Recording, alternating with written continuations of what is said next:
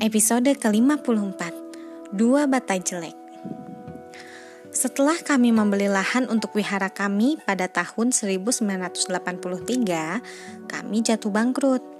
Kami terjerat hutang. Tidak ada bangunan di atas lahan itu. Bahkan sebuah gubuk pun tidak ada. Pada minggu-minggu pertama, kami tidur di atas pintu-pintu tua yang kami beli murah di pasar loak.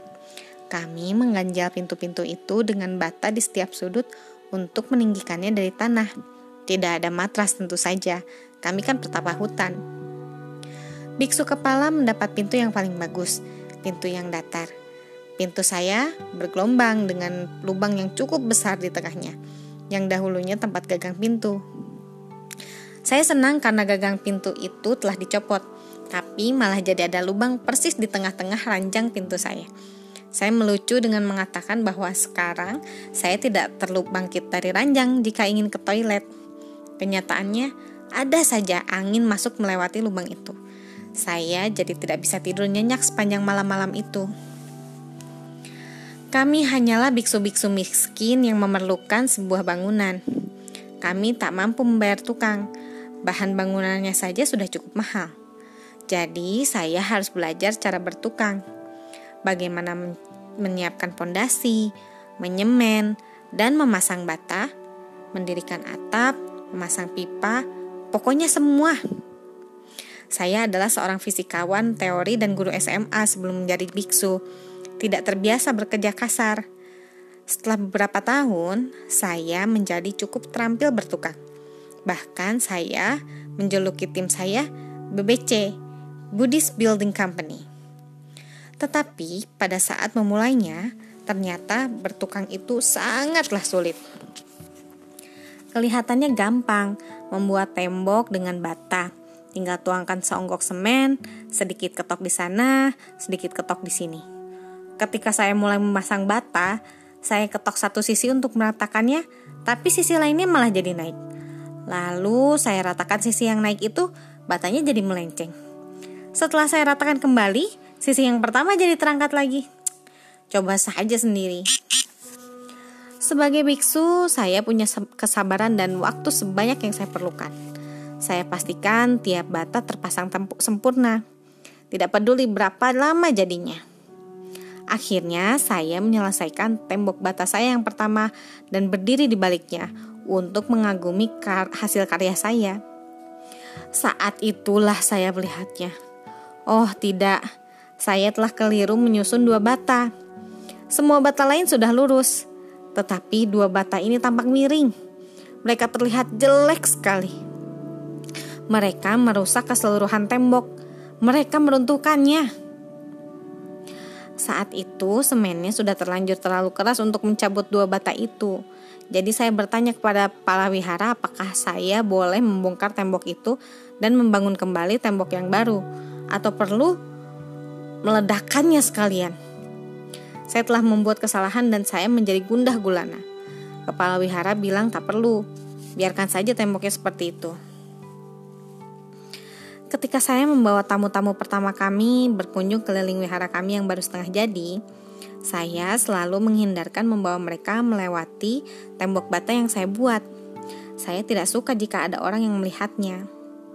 Lalu suatu hari kita kira-kira 3 sampai 4 bulan setelah saya membangun tembok itu, saya berjalan dengan seorang pengunjung dan dia melihatnya. Itu tembok yang indah. Ia berkomentar dengan santainya. Pak, saya menjawab dengan terkejut. Apa kacamata Anda tertinggal di mobil?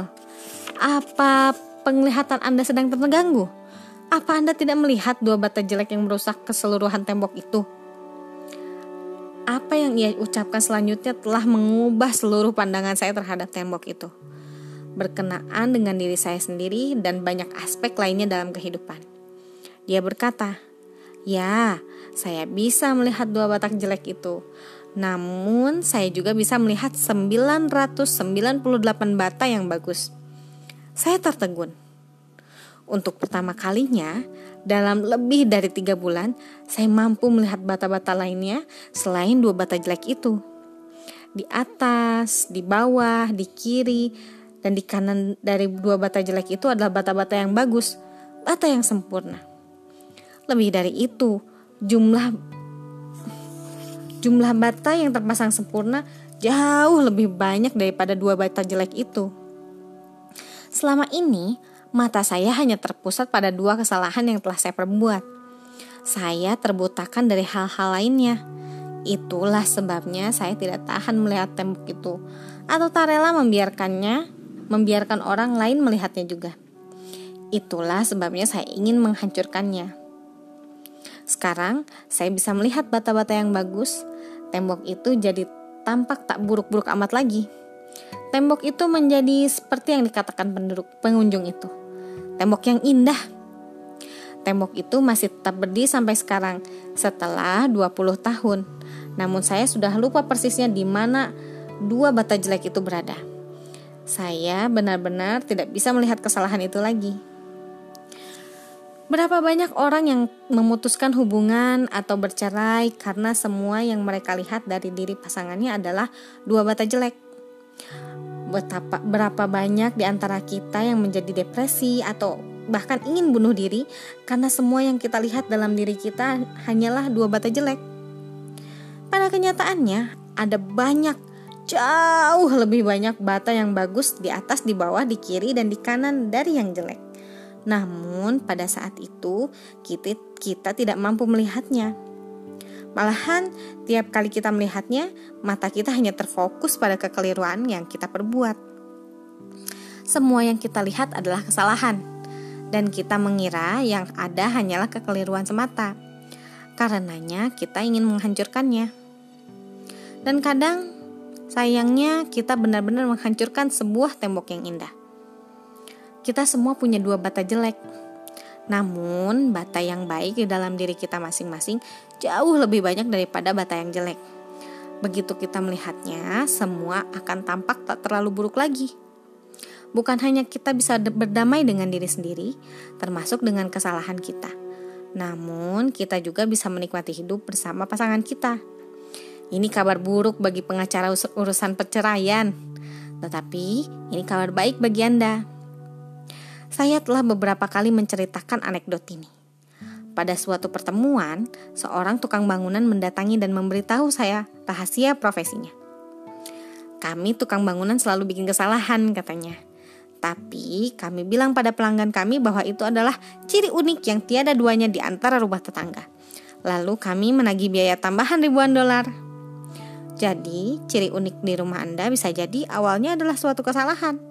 Begitu juga apa yang Anda kira sebagai kesalahan pada diri Anda, rekan Anda, atau kehidupan pada umumnya bisa menjadi sebuah ciri unik yang memperkaya hidup Anda di dunia ini, tatkala Anda tidak lagi terfokus padanya. Sekian, terima kasih telah mendengarkan. Selamat malam.